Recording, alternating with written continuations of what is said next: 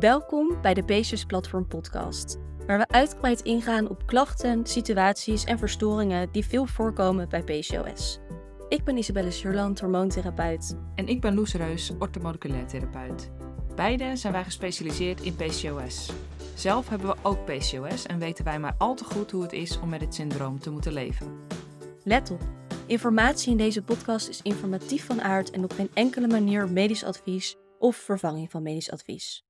Neem bij klachten altijd contact op met een medisch professional. Welkom bij aflevering 2 van seizoen 3. Vandaag gaan we het hebben over wat insulineresistentie is en waarom het zo belangrijk is om het aan te pakken als je van PCOS-klachten af wilt komen en als je je vruchtbaarheid wilt verbeteren. Misschien heb je al wel eens van insulineresistentie gehoord en ken je het al lang, maar het kan natuurlijk ook zijn dat je er nog nooit van hebt gehoord en dat je geen idee hebt wat het is en wat voor rol het speelt bij PCOS. In deze aflevering gaan we echt de diepte in. Dus het wordt net als de vorige aflevering over de lever soms redelijk technisch, maar we proberen het zo to the point en makkelijk mogelijk uit te leggen. Wij denken namelijk dat het heel helpend kan zijn om ook daadwerkelijk te begrijpen wat er in je lichaam gebeurt. Daarom gaan we dus ook zo de diepte in. Om insulineresistentie goed uit te kunnen leggen en ervoor te zorgen dat je ook gaat begrijpen wat het is, ga ik eerst vrij uitgebreid in op de bloedsuikerspiegel. Vervolgens ga ik uitleggen wat insulineresistentie is en hoe je het kunt herkennen. Dan uh, ga ik het hebben over de gevolgen van insulineresistentie. En tot slot ga ik nog in op mogelijke oorzaken van insulineresistentie. Ik zeg ik, maar wat ik wel belangrijk vind om te benoemen, is dat Loes en ik samen deze gehele aflevering, net zoals de vorige, hebben voorbereid. Het was voor deze aflevering qua tijd gewoon net even iets makkelijker als ik hem alleen zou opnemen. Dus jullie moeten het vandaag even met mij doen. Maar dat komt omdat we dit seizoen heel anders ingestoken hebben qua voorbereiding. Anders dan de vorige. En we zijn nog even zoekende naar een goed format om het op te nemen. Mocht je suggesties of voorkeuren hebben, bijvoorbeeld dat we een van ons het apart opneemt of dat we het juist samen opnemen, kun je dat in Spotify onder deze aflevering laten weten. Of je kunt ons even een berichtje sturen op Instagram, Platform. Of ons even een mailtje sturen naar info.pcosplatform.nl. Kort voordat we beginnen wil ik nog een keer genoemd hebben dat de informatie in deze podcast echt informatief van aard is en geen medisch advies of vervanging van medisch advies. In deze aflevering gaan we het namelijk ook hebben over een aantal waarden en best wel wat medische onderwerpen aanraken. En dat kan misschien het gevoel geven dat dit in de richting komt van het advies van artsen, maar dat is echt niet het geval. Dus neem alsjeblieft altijd contact op met je medisch, um, met een medisch professional of met je behandelend arts. Ook om verwarring te voorkomen. Informatie in deze podcast is echt alleen informatief van aard. Laten we beginnen bij hoe de bloedsuikerspiegel precies werkt. Alles in het lichaam draait om energie. En om al die processen in het lichaam goed plaats te kunnen laten vinden, is het belangrijk dat het hele lichaam genoeg energie binnenkrijgt. Door te eten kun je energie binnenkrijgen en je lichaam zorgt ervoor dat dat eten, het voedsel, wordt afgebroken en omgezet in energie. Om deze energieuitvoering op te nemen, wordt het eerst sorteerd in de spijsvertering. De spijsvertering bestaat uit veel fases en meerdere organen zijn betrokken, zoals de mond, de maag en de darmen. In de darmen wordt voedsel tot zulke kleine deeltjes verteerd dat het door de darmwand opgenomen kan worden en deze deeltjes worden opgenomen in het bloed. Als deze voedingsstoffen door de dunne darm zijn opgenomen, gaan ze vanaf de darmwand dus via het bloed naar de lever. De lever controleert de voedingsstoffen die in die piepkleine deeltjes binnenkomen door het bloed, als het ware te veel. De goede voedingsstoffen mogen door en de gifstoffen worden zoveel als mogelijk tegengehouden en afgebroken. Van hieruit verlaat het bloed de lever weer en komt het in andere delen van het lichaam terecht. Bloed dat de lever uitgaat is rijk aan voedingsstoffen die afkomstig zijn dus uit de voeding die je eet. In deze aflevering gaan we vooral in op de suikers die het bloed bevat. De hoeveelheid suiker in het bloed is af te lezen aan de hoogte van de zogenaamde bloedsuikerspiegel. Hoe hoger die is, hoe meer suiker in de vorm van glucose het bloed bevat. Het lichaam geeft de voorkeur aan glucose om te gebruiken als energiebron, waar we het net over hadden. En hierdoor fluctueert de bloedsuikerspiegel ook. Want na het eten wordt de bloedsuikerspiegel hoger en na het verbruiken van energie wordt het laag. En dit is normaal, zolang die waarden maar binnen de norm blijven. De hoeveelheid glucose mag dus niet te laag, maar dus ook niet te hoog worden. Maar daarbinnen is het normaal dat de waarden ook een beetje schommelen. Alles in het lichaam functioneert doordat het genoeg energie heeft. Zoals ik al zei, gebruikt het lichaam suiker om, of glucose om energie te maken. Bloedsuiker, dus die glucose in het bloed, kan vanuit het bloed niet zomaar in de cellen worden opgenomen, maar moet eerst langs receptoren die op de cellen zitten. daarvoor heeft het het hormoon insuline nodig. De cel gaat als het ware open als het hormoon insuline aan de receptor koppelt. Insuline wordt aangemaakt in de alvleesklier en is samen met glucagon ook gemaakt door de alvleesklier erg belangrijk om de bloedsuikerspiegel te reguleren. Doordat insuline de cel opent, wordt bloedsuiker opgenomen en ondergaat het in de cel een proces dat uiteindelijk leidt tot energie. Dit proces heet dissimulatie en samengevat komt het erop bij dit proces op neer dat glucose die is opgenomen in de cel wordt omgezet in energiedeeltjes, waar het lichaam dus energie van krijgt. Deze energiedeeltjes worden ook wel ATP genoemd. Zoals ik eerder al zei, als die glucosedeeltjes vanuit het bloed worden opgenomen in de cellen, neemt de hoeveelheid glucose in het bloed af. De bloedsuikerspiegel wordt dus lager, en dit is dus al prima, tot de ondergrens van 4 millimol uh, per liter nadert. Dat betekent dat het lichaam dus iets moet gaan doen of krijgen om de bloedsuiker te laten stijgen, of in ieder geval boven die 4 millimol per liter te houden. Als je dan geen koolhydraten eet, zal het lichaam een beroep doen op bepaalde processen om de bloedsuikerspiegel op peil te houden. Belangrijk is dat zowel een te lage als een te hoge bloedsuikerspiegel stressvol voor het lichaam is. En het lichaam zal er heel veel aan doen om dit niet te laten gebeuren. Gevolgen van een te hoge of een ja, vooral een te hoge bloedsuikerspiegel, maar ook een te lage bloedsuikerspiegel komen we later in deze podcast even terug. Als eerste doet het lichaam aanspraak op zogenaamde opgeslagen glucose. Opgeslagen glucose heet glycogeen. Omdat het dus zo belangrijk is om die bloedsuikerspiegel op peil te houden, heeft je lichaam een soort van glucoseopslag waar het heel snel bij kan om die bloedsuikerspiegel dus weer te laten stijgen als die ondergrens nadert. Dus als die bloedsuikerspiegel dus te laag dreigt te worden, dan wordt adrenaline en glucagon aangemaakt. Deze hormonen stimuleren de omzetting van glycogeen dus die opgeslagen vorm van glucose naar glucose, waardoor de bloedsuikerspiegel dus stijgt. Glycogeen is voornamelijk te vinden in de spieren en in de lever. In totaal heb je tussen de 350 en de 500 gram, gram glycogeen, wat gelijk staat aan ongeveer 2000 calorieën.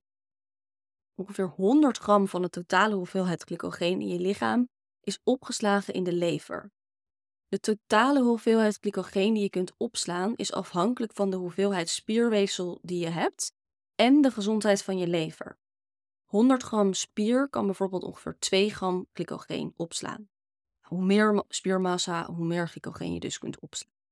En dit is gunstig, want hoe meer glycogeen, hoe beter je lichaam in staat is om energie op te slaan voor later gebruik en dus snel die bloedsuikerspiegel te laten stijgen wel is dat een beetje afhankelijk van de locatie van glycogeen. De glycogeen die is opgeslagen in spiermassa wordt met name gebruikt als energie voor de spieren.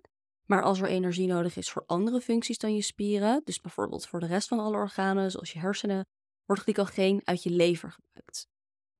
Voor je beeldvorming in totaal kun je met een gemiddelde hoeveelheid glycogeen zo'n anderhalf uur intensieve inspanning leveren. Hoe lang je energie houdt vanuit de glycogeenwaardes hangt dus af van hoeveel energie je gebruikt. Als je slaapt kun je er dus langer op teren dan als je intensief aan het sporten bent. Wat wij trouwens wel opvallend vonden bij het voorbereiden van deze podcastaflevering en dan met name Loes, dat zij heeft dit stukje voorbereid, um, is dat veel vrouwen denken dat een dieet ze heel snel laat afvallen aan het begin. Vaak is het alleen zo dat de glycogeenwaardes bij veel diëten daalt. Zeker bij koolhydraatarme diëten, wat vaak helaas bij PCOS wordt aangeraden. Elke gram glycogeen trekt namelijk ook een paar gram vocht aan, waardoor je met het dalen van glycogeenwaarde zo een paar kilo lichter bent op de weegschaal. Maar dat is dus geen vet en ja, wij vinden dit dus eigenlijk een beetje misleidend. Want zodra je dan dus meer en meer koolhydraten gaat eten, zul je ook ineens weer kunnen aankomen, omdat de glycogeenwaarden zich herstellen. Nou, je komt dus ook wel aan, alleen in glycogeen en niet in vetmassa. Dus even een kleine recap. In eerste instantie doet je lichaam een beroep op de energie die direct vrijkomt uit het verteren van voeding. Dit is al beschikbaar als glucose in je bloed vrij snel nadat je eet. Als dit op is, of in ieder geval als dit opraakt, doet je lichaam een beroep op de glycogeenwaardes. Je bloedsuikerspiegel en glycogeen werken hierin dus nauw samen. Maar glycogeen kan ook opraken, dus er is nog een systeem om de glucose in het bloed op peil te houden. En dit proces heet gluconeogenese en het maakt het mogelijk om aminozuren, dat zijn de, ja, de stofjes waar eiwit uit is opgebouwd, en vet in het lichaam te gebruiken en om te zetten naar glucosedeeltjes voor in het bloed. Om de bloedsuikerspiegel dus weer op peil te brengen en het lichaam van energie te kunnen voorzien. Er is heel veel e-, eiwit en vet in het lichaam, waardoor deze energiebron veel groter is dan de glycogeenwaarde en dus minder snel uitgeput raakt. Dat is ook de reden waarom we gelukkig zo lang zonder eten kunnen zonder te overlijden. De omzetting van eiwit en vet naar glucose is alleen een stuk trager dan de snelle omzetting van glycogeen naar glucose.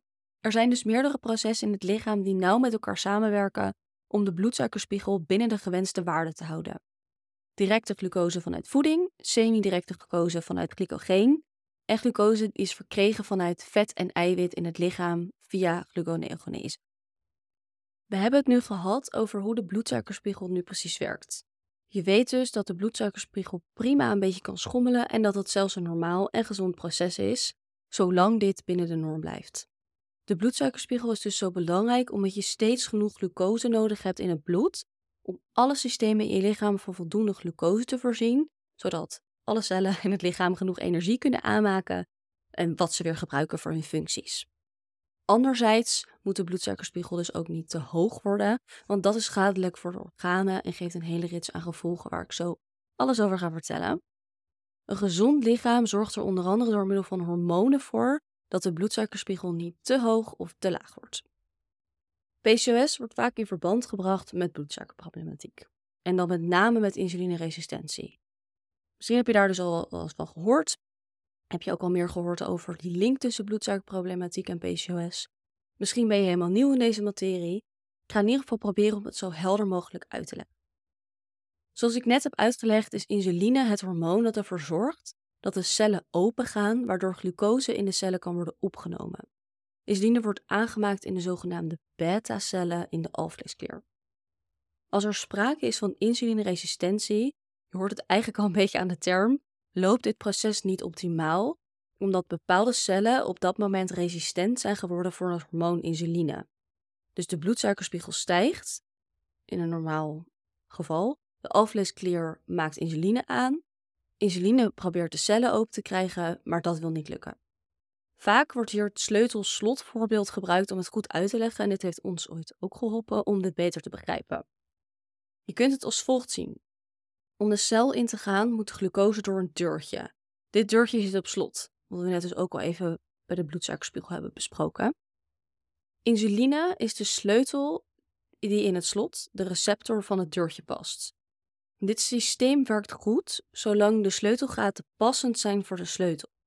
Maar bij insulineresistentie reageren de sloten van het deurtje niet goed op de sleutel en gaat het deurtje niet open. Het gevolg hiervan is dat de bloedsuikerspiegel te hoog blijft, want het kan die cellen niet goed in.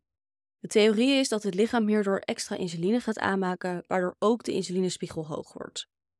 Dus de insulinewaarde in je bloed wordt ook te hoog, of in ieder geval hoger. Uiteindelijk kan er dan wel een doorgang komen voor de glucose naar de cellen, waarna er een bloedsuikerdal kan ontstaan. Dus dan komt er zo'n grote piek in. In één keer gaan er dan, gaat er heel veel glucose de cellen in en wordt de bloedsuikerspiegel in één keer heel laag. Nieuw onderzoek toont echter ook een omgekeerde situatie aan. En daar ga ik later nog even op terugkomen. Maar het idee is dat de insulinespiegels te hoog zijn. Ik ga dus later ook toelichten hoe dat kan. Waardoor de cellen insulineresistent raken als een soort beschermingsmechanisme. Dus in het verhaal dat ik net heb uitgelegd, wordt de, ehm, zijn de cellen resistent, om redenen waar ik later ook op inga. En volgt er dan hyperinsulinemie, heet dat, dus hoog insuline. Maar er zijn dus ook, ja, er komt steeds meer bewijs waarbij het ook omgekeerd kan zijn. Dus dat er hoog insuline is, waardoor insulineresistentie ontstaat. Mocht je dit even nog niet begrijpen, dit kan best ingewikkeld zijn. Ik ga hier dus later nog uh, meer op in. Bij insulineresistentie is er vaak ook sprake van elkaar afwisselende te hoge pieken en te lage dalen in, het, in de bloedsuikerspiegel. En dit kan in verschillende gradaties plaatsvinden en dat is afhankelijk van hoeveel cellen in het lichaam niet goed meer reageren op insuline, dus hoeveel sloten er niet goed reageren. Uiteindelijk kan er zelfs diabetes type 2 ontstaan, waarbij het lichaam niet meer in staat is zelf voldoende insuline aan te maken. Dat is het meest vergevorderde stadium van insulineresistentie. Hoe weet je nu of je insulineresistent bent? Dat is een vraag die we heel vaak krijgen, wat we ook heel goed snappen. De meeste mensen krijgen bepaalde symptomen die vrij makkelijk te linken zijn aan insulineresistentie. Daarbij kun je denken aan trillerig wanneer je niet op tijd eet, moeite met het overslaan van de maaltijd, dus dat je echt moet eten, drang naar zoetigheid en of suikers, extreme behoefte aan koolhydraten zoals rijst, brood, aardappelen, vaak moeten plassen en drinken, willen drinken, cravings, moe na de maaltijd, je niet verzadigd voelen of niet snel, te veel eten, moeilijk kunnen stoppen met eten en snel aankomen, moeilijk afvallen, extra vetopslag op de buik. Zijn vrij, als je daar veel last van hebt, dan kun je wel snel aan insulineresistentie denken.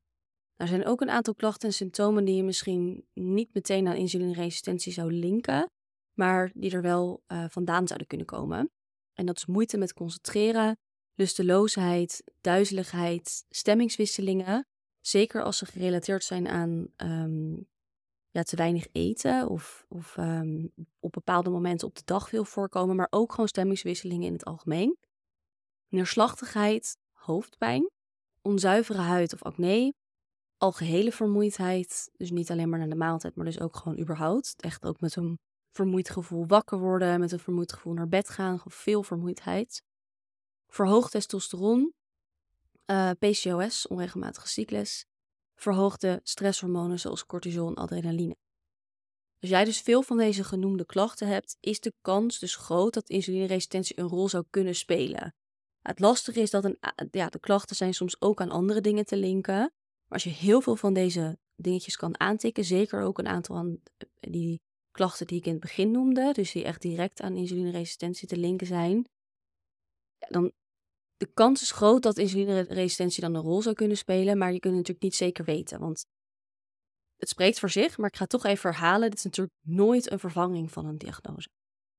Er zijn ook verschillende testen die je zou kunnen doen om te onderzoeken of je daadwerkelijk last hebt van insulineresistentie. Ik ga heel veel opties bespreken nu en als laatst noem ik de optie waar wij het liefst mee werken. Als je met bloedsuikerproblemen naar de huisarts gaat, dan kan hij of zij nuchter glucose testen. Dit is het testen van je bloedsuikerwaarde na de nacht, waarbij je vanaf 10 uur de avond voorafgaand aan de test niet mag hebben gegeten. Als deze waarde afwijkt, is het vaak hoger dan gewenst. Ehm, en de bronnen wisselen een beetje met wat een te hoge nuchtere glucose is. Doorgaans wordt tussen de 4,5 en 6 tot maximaal 7 millimol per liter als goed gezien. Maar goed, dit is dus niet de waarheid, want verschillende bronnen zeggen andere dingen. Als de waarde twee dagen hoger is dan 7 millimol per liter, wordt er meestal door artsen diabetes vermoed. Maar wij doen hier verder geen uitspraken over, we gaan hier ook verder niet op in en dit kun je ook niet als waarheid aannemen, want dit is allemaal werk van artsen.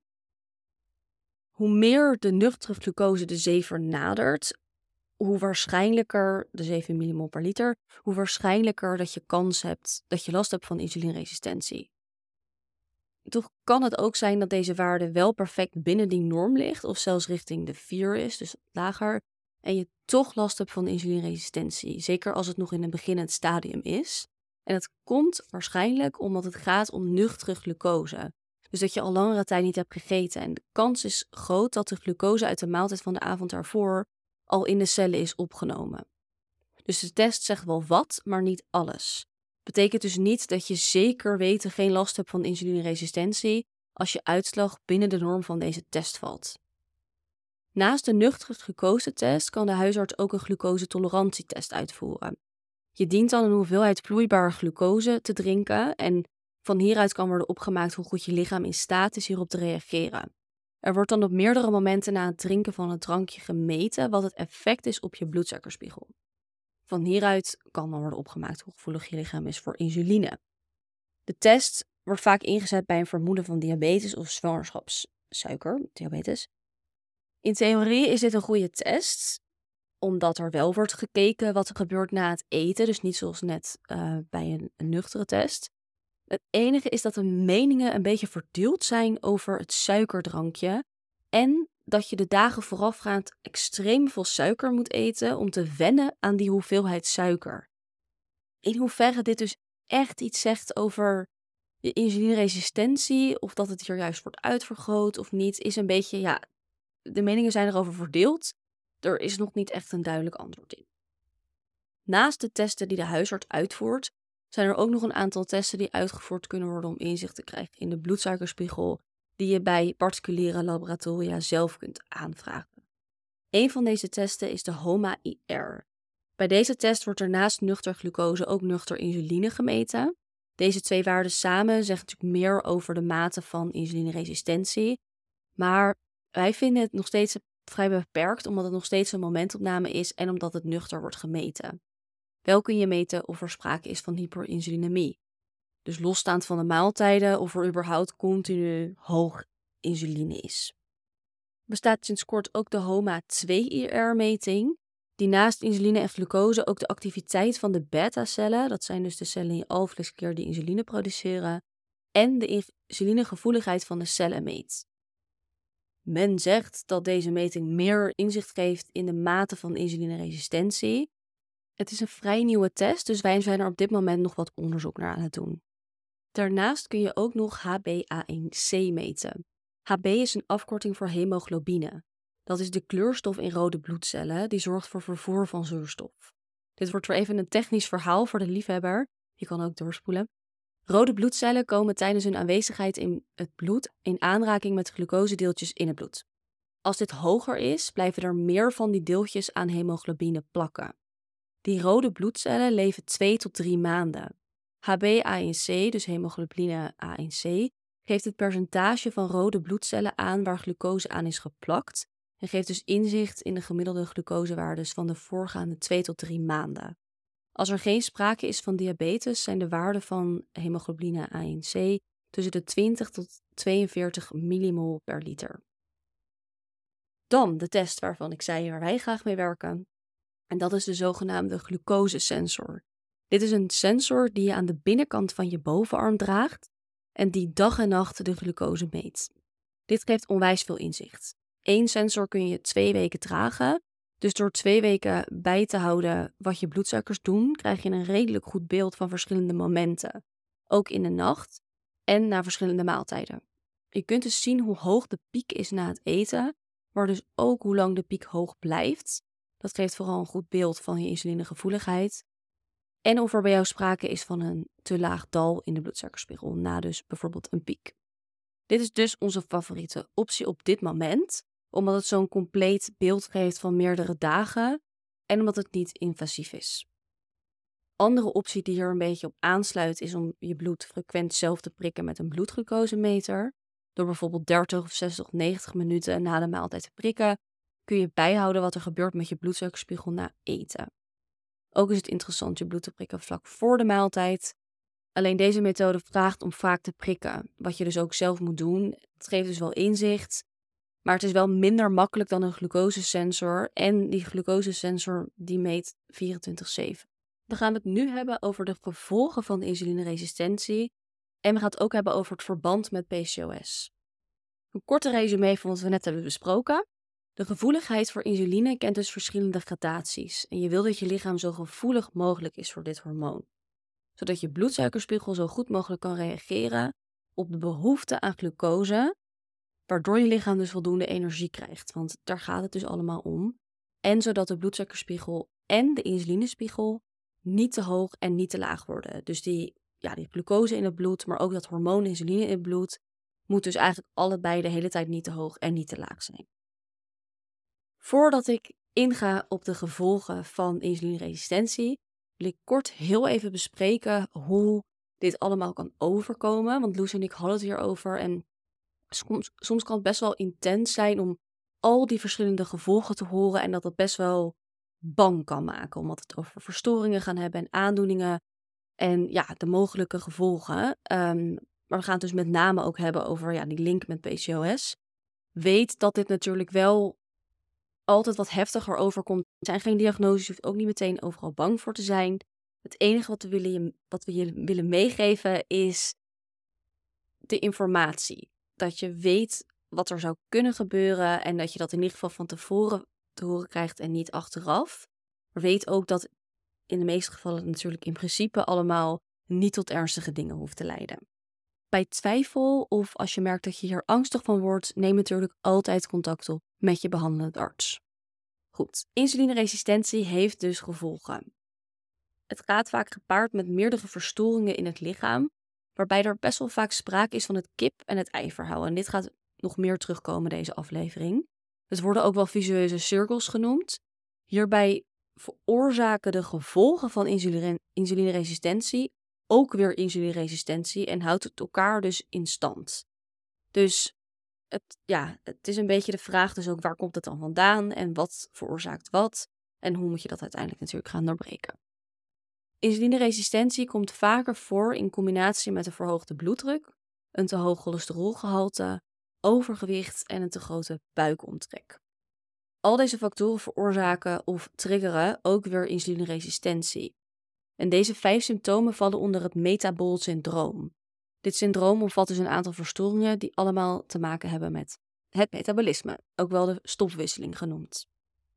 Uiteindelijk, als insulineresistentie en vaak ook de andere verstoringen blijven toenemen, kan, wat ik net kort ook al even noemde, ook diabetes type 2 ontstaan.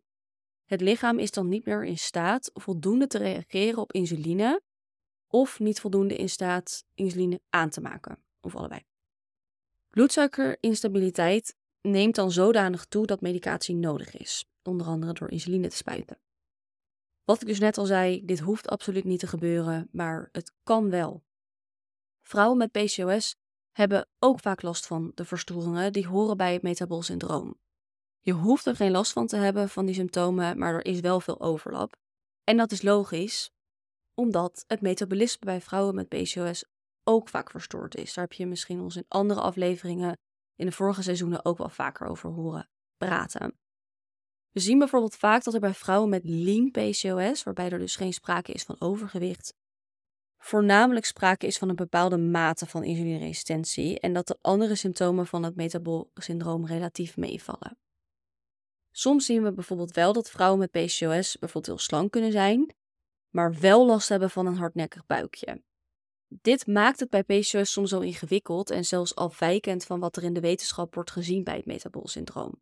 Want meestal, dat is misschien wel goed om even te noemen, um, wordt het metabolsyndroom gezien in combinatie met overgewicht. En bij vrouwen met PCOS is er niet altijd sprake met overgewicht, maar kan er dus soms wel sprake zijn van metabole verstoringen. En dat maakt dit dus ja, een beetje een uh, wat ingewikkelder verhaal. Naast dat insulineresistentie samenhangt met het metabolsyndroom en de daarbij voorkomende symptomen, zijn er ook nog een aantal verschijnselen die ermee gepaard kunnen gaan. Het is niet helemaal duidelijk of er nu dus sprake is van oorzaak-gevolg, dus kip en het ei, maar het is in ieder geval wel zo dat insulineresistentie vaak gepaard gaat met hoge en lage bloedsuikerspiegels en hoge insulinespiegels. Als dit lang aanhoudt, kan dit schadelijke gevolgen hebben voor het lichaam. De lever, de darmen, de spieren en het vetweefsel worden het meest beïnvloed door insulineresistentie. En in deze gebieden wordt het lichaam, als er sprake is van insulineresistentie, minder goed in het opnemen van glucose en dus in het aanmaken van energie.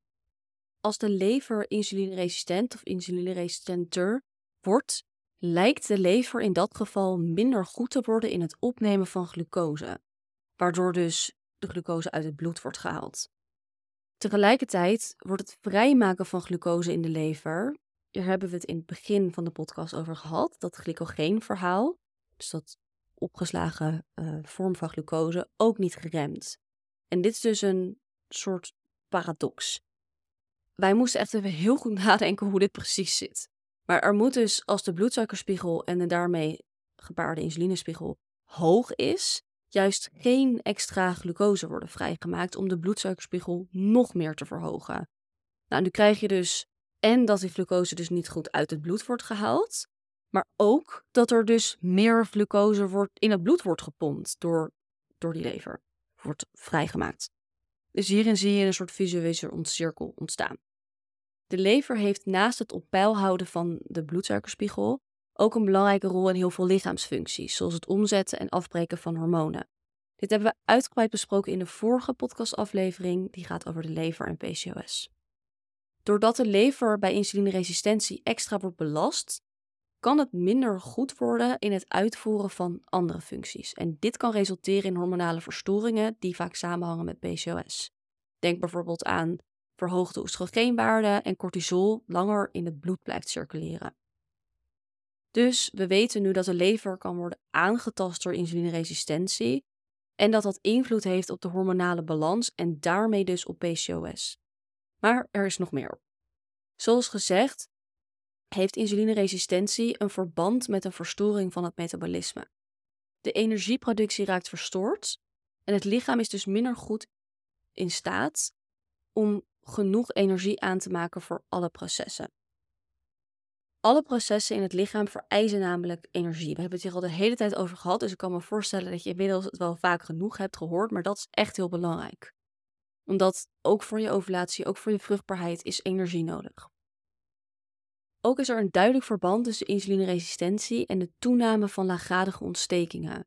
Hierin is er sprake van een visueuze cirkel. Als er meer laaggradige ontstekingen zijn, is er meer kans op insulineresistentie en dus andersom. Al deze elementen hebben dus indirect best wel een grote invloed op de hormonale balans en de gehele vruchtbaarheid. Daarnaast lijken insulineresistentie en de daarmee gepaarde bloedsuikerschommelingen en verhoogde insulinespiegels ook een vrij directe invloed uit te oefenen op de hormonale balans. Zo lijken verhoogde insulinespiegels SHBG te verlagen, waardoor vrije hormonen zoals testosteron en oestrogeen langer rondcirculeren in het bloed en niet worden opgeruimd, of in ieder geval gebonden in dit geval, waardoor bijvoorbeeld de testosteronwaardes te hoog kunnen worden. Vaak worden verhoogde insulinewaardes ook als oorzaak aangewezen voor verhoogd testosteron, maar deze link is nog niet helemaal helder. Het zou logisch zijn als SHBG, wat sex binding globulin is, hierin een rol speelt. Omdat het dus niet goed wordt opgeruimd, of in ieder geval gebonden, waardoor er dus meer vrije testosteron in het bloed zou kunnen zijn. In hoeverre insuline de eierstokken ook stimuleert, of in ieder geval hoog insuline de eierstokken stimuleert om meer testosteron aan te maken, moet ook nog verder worden onderzocht. Dit is iets wat vaker wordt gezegd, dat dus die insuline direct testosteron verhoogt, dus hoog insuline, hoog testosteron. Dat lijkt ook zo te zijn, maar de exacte link hiertussen is nog niet helemaal helder wat het precies is. Ook LH, een hormoon betrokken bij de vruchtbaarheid, is vaker verhoogd bij vrouwen met PCOS die last hebben van insulineresistentie. In hoeverre dit een kausaal verband is en dus de insulineresistentie direct LH verhoogt, is ook nog niet helemaal duidelijk. Als LH te hoog is in de folliculaire fase, de eerste helft van de cyclus, kan FSH, het follicelstimulerend hormoon, haar werk niet goed doen, waardoor eiblaasjes niet goed kunnen rijpen. Dit maakt een eisprong en de daarmee uh, een gezonde cyclus heel erg moeilijk. Dus LH en FSH moeten als het ware in de juiste verhouding aanwezig zijn. En als insulineresistentie LH zou verhogen, dan zou dat dus direct invloed hebben op je vruchtbaarheid. Ik hoop dat dat duidelijk is. Onderzoek naar insulineresistentie wordt ook vaak bij mannen uitgevoerd, wat mogelijk een vertekend beeld kan geven als het gaat om insulineresistentie bij vrouwen. Vrouwen en mannen, mannen en vrouwen, hebben natuurlijk ook een ander hormonaal profiel. En het is bekend dat insulineresistentie een andere uitwerking kan hebben op vrouwen dan op mannen. Dus dat is wel interessant om mee te nemen dat in research het dus soms nog niet helemaal duidelijk is, maar dat het ook zou kunnen komen dat onderzoek bijvoorbeeld elkaar tegenspreekt omdat het bij mannen wordt gedaan. Tot slot kunnen stresshormonen zoals cortisol en adrenaline verhogen door insulineresistentie en de daarbij meegepaarde bloedsuikerschommelingen. Deze stresshormonen zorgen ervoor dat het lichaam, zoals de term al zegt, meer stress ervaart. Zoals we in onze gratis masterclass ook uitleggen, speelt stress een ontzettend grote rol bij zowel het ontstaan van PCOS als het in stand houden van PCOS. Als je PCOS-klachten wilt terugdringen en in balans wil komen, moet je ervoor zorgen dat je een voor jou draagbare hoeveelheid stress ervaart. Dus stress op zichzelf staat niet per se slecht, maar als er meerdere factoren zijn die continu stresshormonen verhogen, waaronder dus insulineresistentie zou daar een, eh, een rol in kunnen spelen, dan kan het wel echt PCOS um, tot uiting laten brengen en dus ook het stand houden. Mocht je onze gratis masterclass nog niet hebben uh, gekeken, uh, we zullen even een linkje in de show notes zetten voor meer informatie. Het kan wel heel fijn zijn om even die, we gaan hier natuurlijk heel erg de diepte in, maar ook even die basis uh, wat beter te begrijpen. We hebben het gehad over de gevolgen van insulineresistentie en gaan we het nu hebben over de oorzaak van insulineresistentie. Wat veroorzaakt het? Over die oorzaak van insulineresistentie bestaat op dit moment nog geen consensus, geen echte consensus. Er wordt namelijk heel veel onderzoek naar gedaan, maar zoals eerder besproken is de oorzaak-gevolgrelatie nog niet altijd even duidelijk. Of in ieder geval is niet iedereen het erover eens en komt er steeds nieuw onderzoek bij met nieuwe en soms zelfs tegenstrijdige inzichten. Want waarom hebben sommige mensen met overgewicht en toegenomen buikvet wel insulineresistentie en anderen niet? Is het dus zo dat overgewicht en toegenomen buikvet insulineresistentie veroorzaken? Of veroorzaakt insulineresistentie overgewicht en toegenomen buikvet? Dat is dus steeds de vraag. Is het insulineresistentie wat dit veroorzaakt? Of is insulineresistentie een gevolg van een andere factor? Het is in ieder geval wel heel duidelijk dat voeding en leefstijl een grote rol spelen. Genen spelen ook een rol, want de een lijkt gevoeliger te zijn voor het ontwikkelen van insulineresistentie dan de ander. Steeds meer bewijs laat ook een verband zien tussen de darmen en het ontstaan van metabole aandoeningen, waarvan insulineresistentie er één is. Hierin is onder andere de staat van de darmwand van groot belang en ook de aanwezigheid van specifieke darmbacteriën die ontstekingen bevorderen. Op dit moment wordt er heel veel onderzoek gedaan naar de darmen en de rol van het microbioom bij verschillende ziektebeelden, ook bij PCOS. En wij zien ook heel veel vrouwen met PCOS en darmklachten. Dus dit kan een hele duidelijke link zijn. Van laaggradige ontstekingen is het ook duidelijk dat ze een rol spelen bij insulineresistentie. Zogenaamde pro-inflammatoire ontstekingsbevorderende cytokine, dat zijn immuunstofjes, kunnen insulineresistentie veroorzaken. Nou, dat is ook een directe link met PCOS, want bij PCOS zien we ook heel vaak laaggradige ontstekingen. Meestal wordt gezegd dat insulineresistentie tot een hoge bloedsuikerspiegel leidt, wat weer leidt tot verhoogde insulinewaardes. Te hebben we in het begin besproken. Een vrij nieuwe theorie, die ik eerder in deze aflevering al even noemde en waar ik dus nog op terug zou komen, is dat hyperinsulinemie, verhoogde insulinewaardes in het bloed, kan leiden tot hypercortisolisme, dat zijn verhoogde cortisollevels, en dat dat tot insulineresistentie kan leiden. Dus dat is anders dan wat er meestal wordt gezegd. Meestal wordt er gezegd insulineresistentie, hoge insulinewaardes. En hier wordt eigenlijk gezegd hoge insulinewaardes, insulineresistentie. Omdat ze dus zeggen dat via dat hypercortisolisme, dat dat er zeg maar toe leidt dat het lichaam insulineresistenter wordt. En daar komen we ook zo nog even op terug. Het technische verhaal hierachter laten we heel even wat het is, want anders wordt het echt nog een hele lange aflevering. Maar in dit geval wil je dus zoeken naar de oorzaak voor verhoogde insulinewaardes. Een van die mogelijkheden is een verminderde insulineafbraak. Dus dat insuline niet goed wordt afgebroken, waardoor insuline dus de hele tijd hoog blijft. Insuline moet grotendeels worden afgebroken in de lever. Dus daar heb je hem weer, de levergezondheid. Mocht je de vorige podcastaflevering nog niet hebben geluisterd, raad ik dat echt even aan, want daar gaan we in op de lever en PCOS. Het lastige in dit verhaal is dat bij bijna alle oorzaken dus ook de oorzaak als gevolg wordt gezien. Want insulineresistentie kan bijvoorbeeld ook weer laaggradige ontstekingen veroorzaken. En dat betekent dat er vaak sprake is van een visueuze cirkel en dat het dus onduidelijk is wat wat heeft veroorzaakt. Daar heb je hem weer het kip- en het ei-verhaal. Ook zie je in veel onderzoek dat uiteindelijk alles met elkaar verbonden is en weer effect heeft op elkaar. Dus wat ik net allemaal noemde, de darmen, de lever, etc heeft allemaal weer effect op elkaar. En dit lees je ook op het internet. Honderden redenen en oorzaken van insulineresistentie. De vraag is, waar pak je het dan aan? Hoe weet je dan waar je het moet zoeken? Als je PCOS zeg maar wilt aanpakken en dus die insulineresistentie er invloed op heeft. Wij kijken graag naar de uiteindelijke oorzaak van de oorzaak. Dus als we dan kijken naar die darmwand bijvoorbeeld, wat heeft dan die verminderde darmwandbarrière veroorzaakt? Dus dat die staat van die darmenwand niet goed is. Waarom is er een disbalans in de darmen? Waarom functioneert de lever niet optimaal? Waarom zijn er laaggradige ontstekingen? Als je de huidige wetenschap naast de biologie en de fysiologie van het lichaam legt, lijkt het erop dat stress overal aan ten grondslag ligt. Of in ieder geval een hele grote rol speelt. Nou, door die stress komt er een kettingreactie die weer allerlei processen in gang zet, die weer insulineresistentie of andere bloedsuikerproblemen kunnen veroorzaken. Let wel even op, stress kan mentaal en fysiek zijn. We krijgen heel vaak van vrouwen terug, oh, maar ik heb geen last van stress, dus dat kan het bij mij niet zijn. Ik kom straks nog even terug wat, uh, hoe dat zit.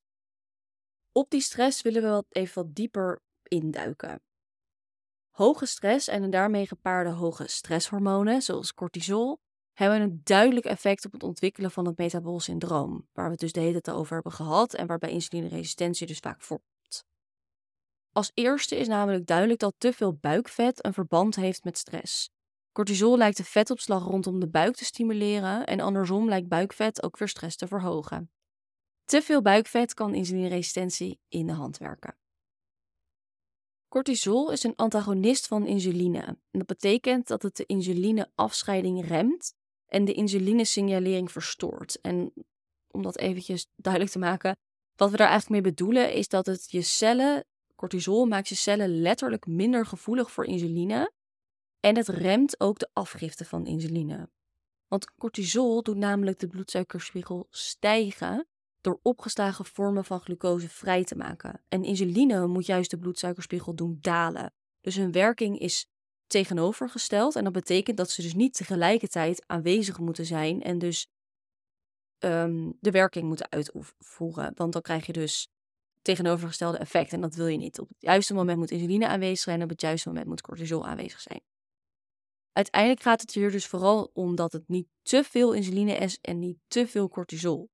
Want cortisol moet zeker optreden en naar werk doen, maar niet de hele tijd, want dan gaat het de functie van insuline tegenwerken. En vice versa. Stress lijkt op heel veel verschillende manieren insulineresistentie te veroorzaken. Stress heeft namelijk ook weer invloed op de darmgezondheid, de levergezondheid en ook het ontstaan van laaggradige ontstekingen waar we het net over hadden. Zo lijkt het dus in ieder geval overal aan gelinkt te zijn en dat is wat we bedoelen met die oorzaak van de oorzaak. Zolang je dat niet aanpakt, blijven al die dingen de hele tijd bestaan. Of komt het daar weer omhoog, of komt het daar weer omhoog. En dat is natuurlijk niet wat je wil en ook zonde van al je inzet. Naast die, als het ware, indirecte link tussen stress en insulineresistentie, is er ook wel een hele duidelijke directe uh, verband tussen stress en insulineresistentie. Er zijn best wel veel verbanden ook gevonden, maar we laten dat technische verhaal nu heel even voor wat het is. Tot slot, stress is dus niet alleen mentaal, maar ook fysiek. Ik zei al even, ik kom daar nog even op terug. Daarmee bedoelen we dat je mentale stress kunt ervaren zoals van een vervelende gebeurtenis in je leven of een verhoogde werkdruk. Stress zoals we het eigenlijk allemaal kennen, maar het kan ook zijn dat je door fysieke redenen verhoogde stresshormonen hebt. Zo kan er bijvoorbeeld een vertraagde schildklier ook leiden tot verhoogde cortisollevels. Je kan dus heel goed geen stress ervaren, maar het wel hebben en daardoor dus even goed last krijgen van insulineresistentie. We zijn bij het einde aangekomen van deze podcastaflevering. Wat we met deze aflevering in ieder geval duidelijk hebben willen maken, is waarom wij een totaalaanpak aanraden en niet zomaar wat supplementen te gaan nemen die de insulinegevoeligheid kunnen verhogen. Tuurlijk kan dat helpen, maar als je de basis niet aanpakt, dus je de basis niet legt, dan blijft het symptoombestrijding. Uiteindelijk moeten al je organen in je lichaam, dus de lever, de darmen, alle andere spijsverteringsorganen, de hormoonhuishouding, alles moet goed kunnen functioneren om jouw bloedsuikerspiegel stabiel te houden en dus om PCOS onder controle te krijgen en te houden. Mocht je iets aan deze aflevering hebben gehad, dan zou ik het echt heel fijn vinden als je een review wil achterlaten. Want dat helpt met um, onze vindbaarheid, dus dat andere vrouwen met PCOS ons ook kunnen vinden. In Spotify kun je sterren geven, dat is voor zover wij weten gewoon anoniem. En in andere, op andere podcastkanalen kan dat volgens mij ook overal. Ook um, hebben we een soort vraagsticker onder de aflevering geplaatst. Dat als je feedback hebt op deze podcast, zou het heel fijn vinden als je het daar neerzet. Uh, ook als je er wat aan hebt gehad, horen we dat echt heel graag. Je mag ons ook een berichtje sturen op Instagram, het Platform. Dus uh, we horen in ieder geval heel graag van je. En uh, tot de volgende aflevering.